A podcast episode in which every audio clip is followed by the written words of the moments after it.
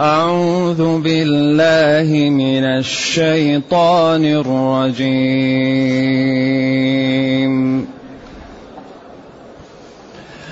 بسم الله الرحمن الرحيم.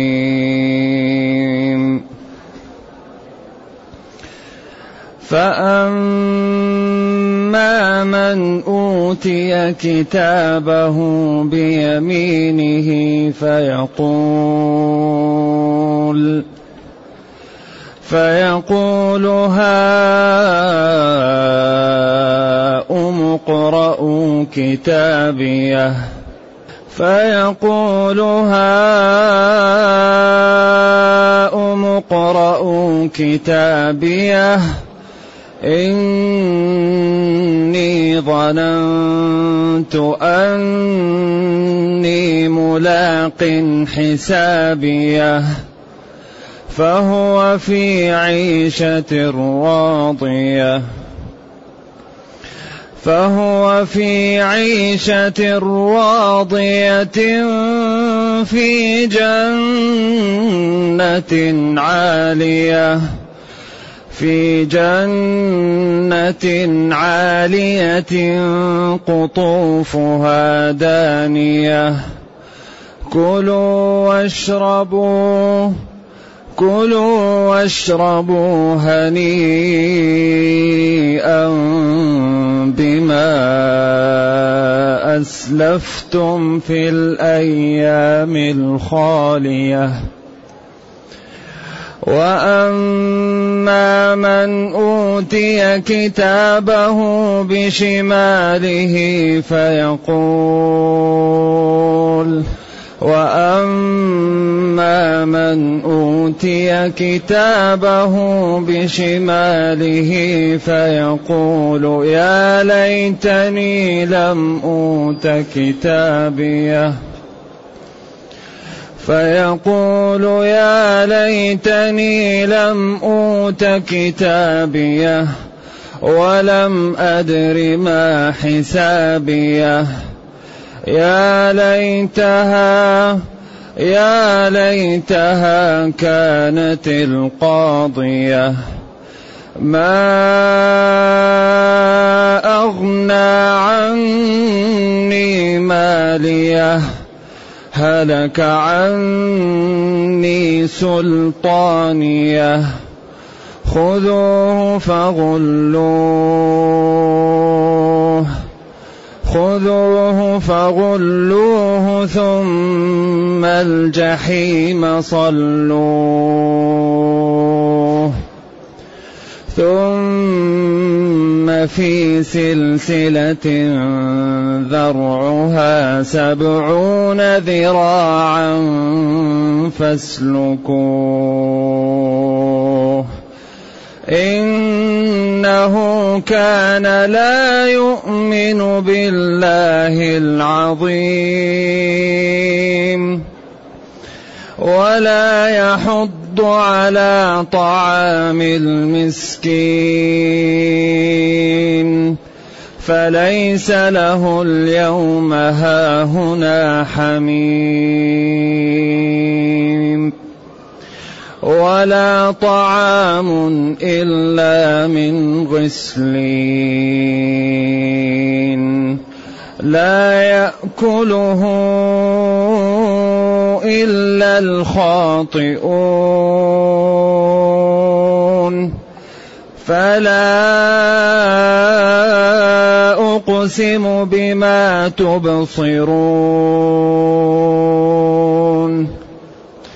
وما لا تبصرون.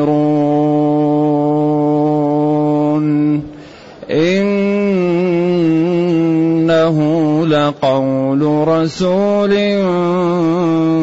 كريم. إنه لقول رسول كريم. وما هو بقول شاعر. قليلا ما تؤمنون. ولا بقول كاهن. قليلا ما تذكرون. تنزيل من رب العالمين. ولو تقول علينا بعض الأقاويل. لأخذنا منه باليمين. ثم لقطعنا منه الوتين.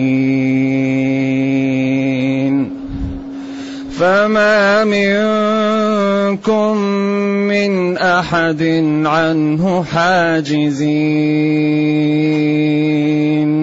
وإنه لتذكرة وإنه لتذكرة للمتقين وإنا لنعلم أن منكم مكذبين.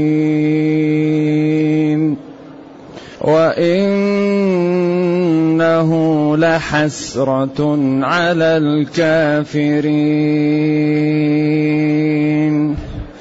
وإنه لحسرة على الكافرين. وإنه لحق اليقين. وإنه لحق اليقين فسبح باسم ربك العظيم. الحمد لله الذي أنزل إلينا أشمل كتاب وأرسل إلينا أفضل الرسل وجعلنا خير أمة أخرجت للناس. فله الحمد وله الشكر على هذه النعم العظيمة والآلاء الجسيمة والصلاة والسلام على خير خلق الله وعلى آله وأصحابه ومن اهتدى بهداه. أما بعد فإن الله تعالى يبين في هذه الآيات موقف الحزبين موقف الطائفتين الشريحتين. وقد سبق أن قلنا أن القرآن ما فيه أنصاف حلول ما فيه إلا مسلم أو كافر. ما في واحد يقول أنا لا أكون مسلم ولا أكون كافر. ما يمكن. ما في إلا واحد مسلم وواحد كافر. فبين أن الذين استقاموا يأخذون كتبهم بإيمانهم ويفرحون وينشرحون. وأن الذين انحرفوا وكفروا يأخذون كتبهم بشمائلهم ويحزنون ويقعون في الكرب. وهذا نخبر به ونحن في الدنيا.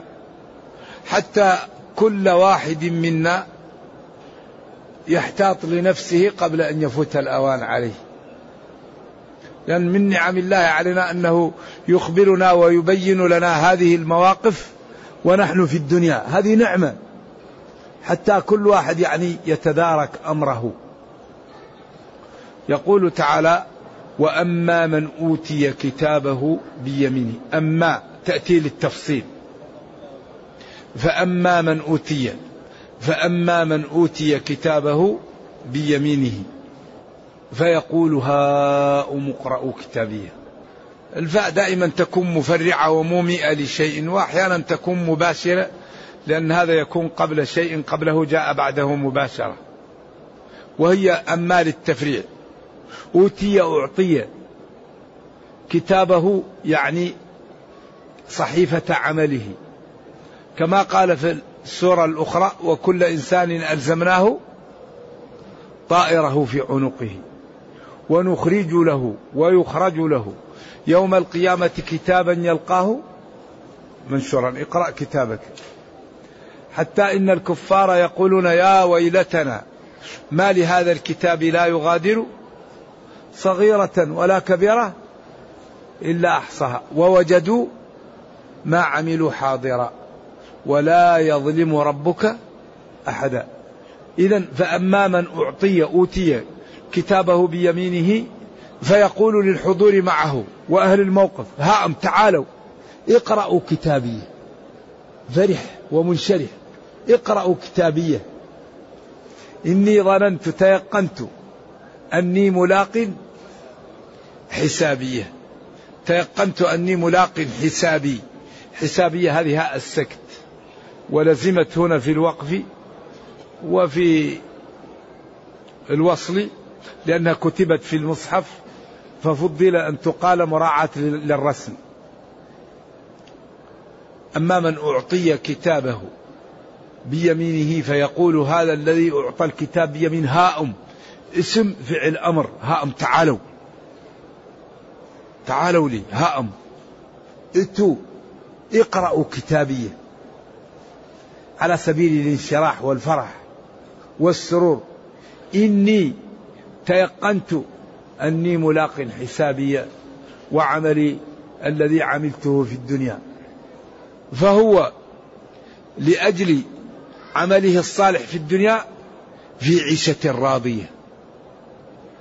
راضية هنا؟ هل هي بمعنى ذات رضا أو مرضية يرضى بها؟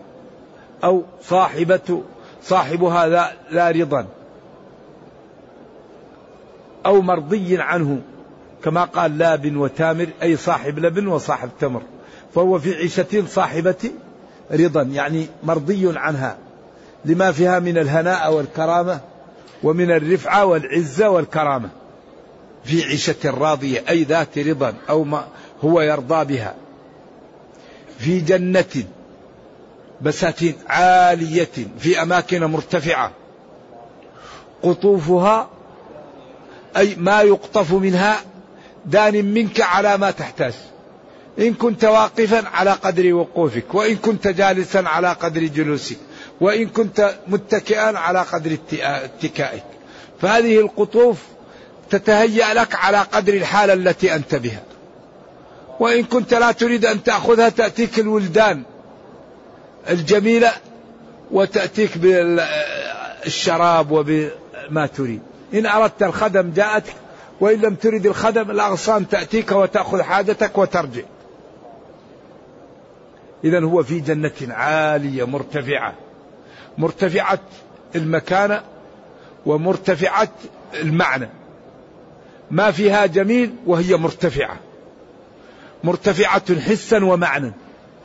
في جنة عالية يعني مرتفعة حسا ومعنى قطوفها ثمارها دانية منك على قدر حاجتك. تقطفها على الحالة التي أنت بها. ويقال لهم أهل الجنة كلوا. كلوا هذا أمر للنعم وللإباحة. واشربوا. متهنئين متلذذين متمتعين. بما أسلفتم في الأيام الخالية بما عملتم وبما تعبتم في الأيام الماضية في الدنيا كان الواحد في الحر يعطش صائم لله. كان الواحد يجوع يقدم ويؤثر ضعفة المسلمين على نفسه لينال هذه الأماكن. كلوا واشربوا تمتعوا يعني لكم المنزلة والمكانة بما أسلفتم في الأيام الخالية. بما قدمتم. سلفه إذا عمله سالفا. في الأيام الخالية الماضية في الدنيا الواحد يعطش يعطش يجوع يعرى يتعب يكابد لأجل هذا اليوم. لأجل هذا اليوم. يقال لهم كلوا واشربوا هنيئا متهنئين بما قدمتم في الأيام الخالية. الواحد منهم في غاية من التعب لكن يقوم يصلي. في غاية من محبة المال يعطيه. في غاية من محبة النظر يغض بصره. في غاية من شهوة يتكلم يسكت. يعني كان يكابد الطاعات. ويمارسها ويتجرع الآلام لي لهذا اليوم. فلذلك يقال له يعني هذا جزاؤك على أتعابك في الدنيا. هنيئا بما أسلفتم بما قدمتم في الأيام الخالية في الدنيا. لذلك الصوم أمره عجيب. ما فيه مثل الصوم.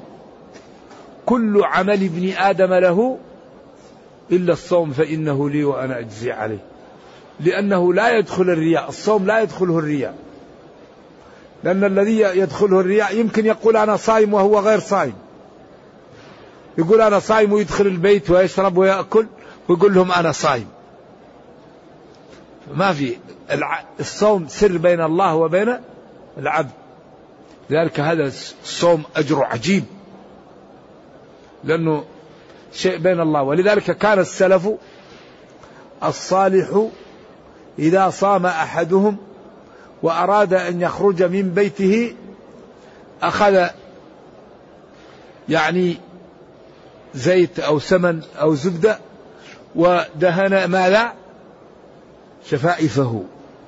لأن الإنسان إذا كان صائم يظهر الجفاف في فمه ويظهر في وجهه العطش فيعلم أنه صائم لما ينال من آثار الصام عليه. وهو يريد أن يخفي ذلك فيأخذ زيت ويدهن شفائفه وما حوله حتى يخفي على الناس أنه صائم. وكان بعض السلف يأتي لبيته ويكون صائم ولا يدري أهل البيت أنه صائم. أيام على الأيام الصالحون يصومون ويأتي لبيته ولا يدري أهل البيت أنه صائم. لأنه يحاول أن يأتي في وقت تقديمهم للأكل فيأكل معهم ولا ينتبه أنه صائم. ذلك كل ما كانت العبادة خفية كل ما كانت أبعد من الرياء وأكثر أجرا. إذا كلوا واشربوا هنيئا متهنئين ومتمتعين بما أسلفتم في الأيام الخالية من العطش ومن الصدقة ومن التعب على الناس ومن مكابة الوالدين والجيران ومن المكابدة لإعلاء كلمة الله ولرفعة دينه. هذا الذي يكون منزلته عالية. لأن كل ما كان العمل متعدي كل ما كان أفضل. وكل ما كان العمل قاصرا كان أجره أقل. لذلك المنافع المتعدية أجرها كبير. ذلك الإنسان الذي يتعب نفسه للمسلمين يكون أجره كبير يوم القيامة. يبذل ماله وقته جاهه راحته عرضه لإخوانه. هذا يكون أجره كبير يوم القيامة. إذا من أكثر أسباب الفلاح الصوم. ولذلك له باب خاص يقال له ريان. لا يدخل منه إلا الصائمون. ويدخلون من الأبواب الأخرى إذا كان صائم ويعمل يدخل من الأبواب الأخرى. كلوا واشربوا. أمر للامتنان وللإباحة. متهنئين متلذذين متمتعين بما قدمتم في الأيام الخالية من المتاعب لأجل دين الله ولأجل طاعة الله. ثم قال وأما من أوتي كتابه بشماله. أعطي كتابه بشماله. قيل نرجو الله السلام والعافية تدخل اليد في الصدر وتخرج من الظهر ويسلم الكتاب من ظهره مدخل من صدره. نرجو الله السلام والعافية. تلوى وتدخل من هنا وتخرج من ظهره ويسلم الكتاب. فيقول عند ذلك يا ليتني يتمنى لم أوت كتابية لم أعطى هذا الكتاب. ولم أدري ما وليتني لم أعرف ما حسابي. يا ليتها. اللي هي الموتة الأولى. كانت القاضية علي ولم أبعث منها. إذا هذا التحسر وهذا التندم الذي يحصل للفاجر لأنه ما عمل. ما شكر نعم البصر. ما شكر نعم السمع. ما شكر نعم النطق. ما شكر نعم العافية ما فكر فيما أعطاه الله من النعم ليستعملها في طاعة الله وفي مرضاته. فاستعمل نعم الله في عصيان الله فسخط الله عليه وأبعده عن الحق فمات على الكفر فشقي شقاوة لا سعادة بعدها. نرجو الله السلامة والعافية. يا ليتني يتمنى يا ندامتي احضري لي عياذا بالله يقول. لم أعطى هذا الكتاب كتابية. ولم أعرف ما الحساب الذي عندي. يا ليتها كانت الموتة التي متها أول قاضي علي ولم أبعث منها. هلك غاب عني مالي. هلك عني ما ما نفعني مالي الذي كنت أجمعه. ما أغني عني ماليا. لأن ماله استعمله في الشهوات وفي المحرمات وفي الشبهات وفي الملذات فضاع ولم يستفد منه.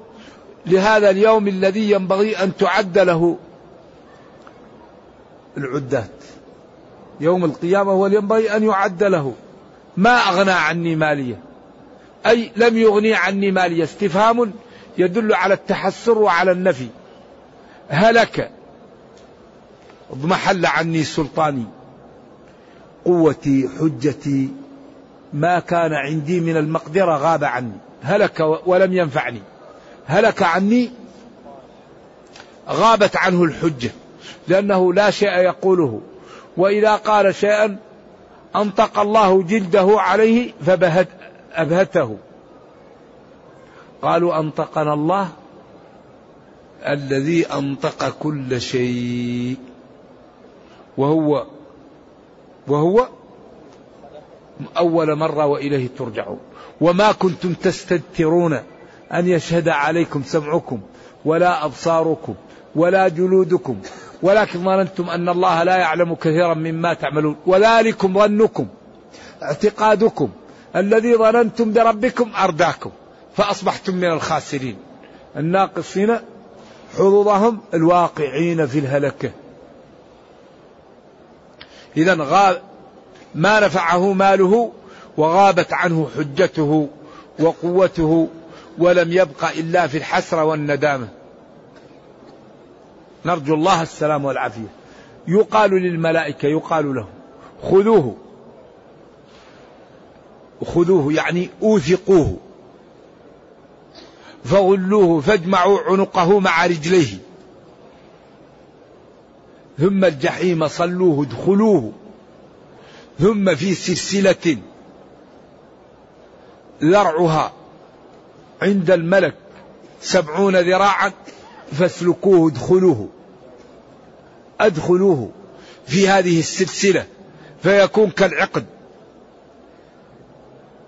نرجو الله السلام والعافية. هذه السلسلة هو يدخل فيها فيكون طرفها خارج من فيه أو من أنفه وطرفها خارج من مؤخرته. ويكون هو كالعقد في هذا السلسلة. لما لا عمل له هذا إنه كان لا يؤمن بالله العظيم. إنه هذا الكافر المجرم الذي هذا العمل به كان لا يؤمن بالله العظيم. بالمعبود بحق الذي عظمته شملت كل شيء. ما أراده كان. هذه السلسلة ذرعها سبعون ذراعا. قيل بذراع الملك قيل الذراع الواحد سبعين فرسخ. لا يعلم عظمها إلا الله والسبعين وما تفرع منها. في اللغة تدل على الكثرة فادخلوه في هذه السلسلة عياذا بالله وانظموه فيها. إنه كان لا يؤمن بالله العظيم. الله العظيم الكريم الجبار المتكبر الحليم كان لا يؤمن به بل يكفر به ويجحد نعمه ويشرك به الأنداد. وكان أيضا لا يحض على طعام المسكين. لا يؤمن بالقيامة ولا يبالي بما بعد البعث. ومن أكبر الأدلة على ذلك عدم حرصه على طعام المسكين. لأن من آمن بالآخرة أحب إطعام المساكين لما فيه من الإجر ولما فيه من مرضاه الله ولما فيه للعبد من الخير والتعويض. نعم. لا يحض ولا يدعو إلى طعام المسكين.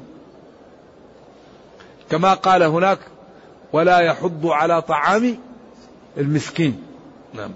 لأن الحض على طعام المسكين هذا من أسباب النجاة ومما يحبه الله. من الذي يقرض الله قرضا حسنا فيضاعفه له أضعافا كثيرة. ولا يحض ولا يحث ولا يدعو إلى طعام المساكين. ولذلك ربنا أمر بإطعام المساكين. وأمر بإطعام السائل وأمر بأن الذي يعطي الله يعطيه.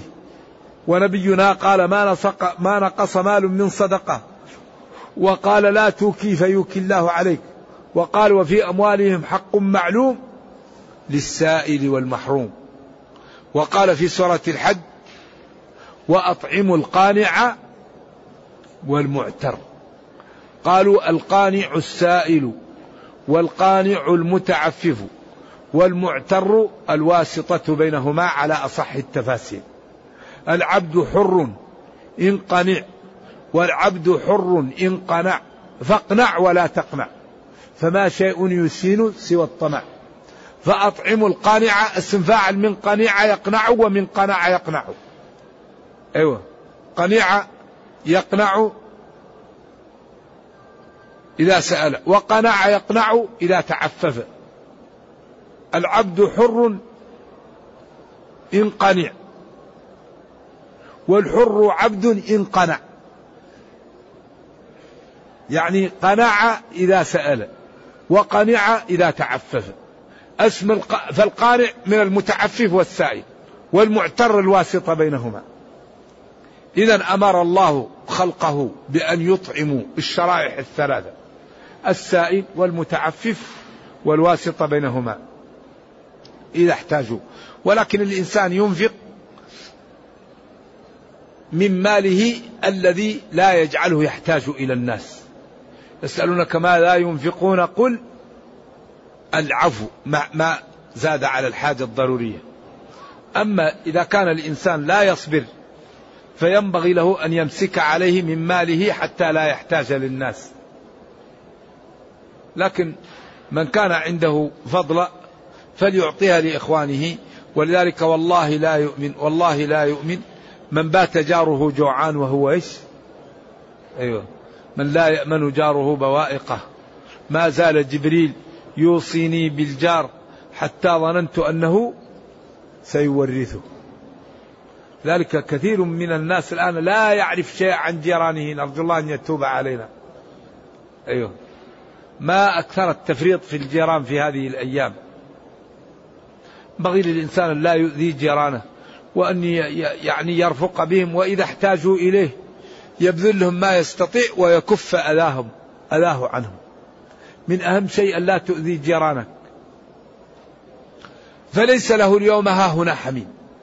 ليس اسم جامد للإنشاء يش النفي.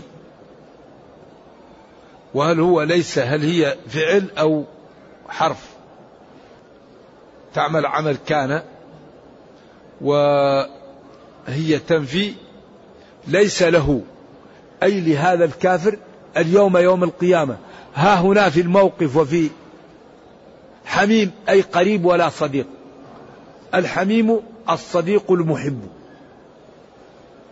القريب الذي يحبك ويخلص لك. فليس له اليوم ها هنا حميم. وليس له أيضا طعام إلا من غسلين فعلين من الغسالة غسالة أهل النار القيح والصديد واللحوم التي تنزل منهم تجمع فيأكل فيشربها إلا من غسلين. وهذا أشد العذاب نرجو الله السلام والعافية. ما ينزل من صيديد أهل النار يجمع ويقال له اشرب هذا. نرجو الله العافية. ولا طعام إلا من غسلين لا يأكله إلا الخاطئون. الخاطئون المجرمون المتعمدون لارتكاب الكبائر والمعاصي وجرائم الذنوب. الخاطئون. وأما الخاطئون فكانوا لجهنم حطبا. الخاطئ هو الذي يعمل الجريمة متعمد والمخطئ هو الذي يعملها من غير تعمد. لا يأكلها ذلك الصديد وتلك الأمور المتجمعة من أهل النار إلا المجرمون العاتون عن طاعة الله المتكبرون المتجبرون. ثم قال جل وعلا فلا أقسم بما تبصرون وما لا تبصرون. لا للعلماء فيها قولان. قول إنها صلة. أقسم بما تبصرون وما لا القول الثاني أنها نافية لشيء محذوف. ليس الأمر لا ليس الأمر كما يقولون. أقسم بما تبصرون وما لا تبصرون. إنه لقول أيوة قول هذا القرآن لنزل به وجاء به رسول كريم. سواء قلنا جبريل أو محمد صلى الله عليه وسلم. وما هو بقول شاعر. وما هذا القرآن بقول شاعر؟ قليلا ما تذكرون لأن الشعر فيه تفاهة وفيه ذم وفيه عيب وفيه ضحالة. أما هذا الكلام ففيه جمال وعمق وإعجاز وحسن. ولو اجتمع أهل الأرض أن يأتوا بمثل سورة منه لعجزوا. أيوه ليس بقول شاعر هذا. قليلا ما تصدقون بأن هذا القرآن من عند الله وأنه جاء للإعجاز ولإنقاذ البشرية من النار. ولذلك لما جاء البقلاني في كتابه القيم إعجاز القرآن وجعل مقارنة بين آية بين سورة غافر وبين معلقة امرؤ القيس. بعدين أطلع الكلام طلع الكلام سمج لأن هذا القرآن جماله وحسنه وجمعه وهذه الأبيات أغلبها لما نقدها وجدها كلها عيوب. أول بيت فيها قال هذا البيت معوج. حميم تنزيل من حميم حميم تنزيل الكتاب من الله العزيز العليم. غافر الذنب وقابل التوب شديد العقاب ذي الطول. لا إله إلا هو. جمع أشياء من البلاغة والحسن ومن المعاني لا يعلمها إلا الله. أما هذا لما جاء قال قفا إيش؟ نبكي. طيب أوقف واستوقف. وبكى واستبكى. من نكرى حبيب ومنزلي. بعدين البيت الثاني زي الأعرج ما فيه أي معنى. فأطلع الكلام زي المعوج زي المشلول. الجزء الأول فيه معنى الجزء الثاني ما فيه معنى. من ذكرى حبيب ومنزلي قال بسخط اللواء بين الدخول فحوملي. ما في أي معنى. طيب هذه الأحبة بين هذه الأماكن. ما استطاع أن يجعل الشطر الثاني فيه معاني. إذا تجد هذه المعلقات الجميلة وهذا الشعر لو يوجع تحت النقد فإذا هو لا شيء. أما هذا القرآن فجماله وإعجازه وحسنه وكثرة المعاني فيه حدث ولا حرج. لو يجتمع أهل الأرض على أن يأتوا بسورة ما استطاعوا ولو كان بعضهم لبعض معينا. لذلك هو معجزة قائمة إلى قيام الساعة. إذا وما هو بقول الشاعر هذا القرآن؟ قليلا ما تؤمنون. قليلا للعلماء فيها قولان. قول لا تؤمنون قليلا ولا كثير. قليلا ما ما ينجحر. لاتبعتم الشيطان إلا قليلا كلكم. أو قليل يعني يؤمن منكم قليل. أو تؤمنون بقليل من المسائل. أي المؤمن منكم ناس أقلة أو إيمانكم بمسائل قلة ولا بقول كاهن. وهذا القرآن ليس بقول كاهن. الكاهن هو الذي يدعي علم الغيب وتأتيه الشياطين وري ويخبره. قليلا ما تذكرون تستعملون عقولكم فتفرقون بين كلام الكهان وبين هذا الوحي. بل هو تنزيل من رب العالمين. ولو فرضنا أن نتقول علينا بعض الأقاويل ولو كان محمد صلى الله عليه وسلم. لأخذنا منه باليمين. أي لأخذناه بالقوة. ولقطعنا منه الأبهر. الوتين الحبل الذي يتعلق بالقلب الشريان. فيموت حالا. وما منكم من أحد عنه. عما أردنا أن نوصله له حاجزين مانعين. فمن باب أحرى غيره من الخلق. صلوات الله وسلامه عليه. ولو حرف امتناع الامتناع امتنع ذلك لامتناع أن يقع ذلك منه. صلوات الله وسلامه عليه لأنه لا يفعل إلا ما يرضي الله وهو معصوم من الذنوب. نعم. فما منكم من أحد عنه حاجزين ما أردنا أن نوقعه به وإنه هذا القرآن تذكرة للمتقين. كما قال قل هو للذين آمنوا هدى وشفاء ولكن الذين لا يؤمنون في آذانهم وقر وهو عليهم عمى. وإنا أي الله يقول لهم لنعلم أن منكم مكذبين. لا يؤمنون بالقرآن ولا بالنبي صلى الله عليه وسلم ولا بالله. منكم مكذبين بهذا الوحي وبما جاء فيه. وإن هذا القرآن لحسرة على الكافرين لأنهم إذا سمعوه يضيقوا ذرعا به ولا يستطيعون ماذا يفعلون. وإن هذا القرآن لحق اليقين الذي لا وراء وراءه. حق يقين أو حق اليقين هو الذي تيقنت أنه من عند الله وأنه لا يمكن أن يتطرق له الشك ولا الكذب ولا العيب ولا النقص. ويكفيك أنه نزل قبل أربعة عشر قرنا ولا توجد فيه جملة خطأ.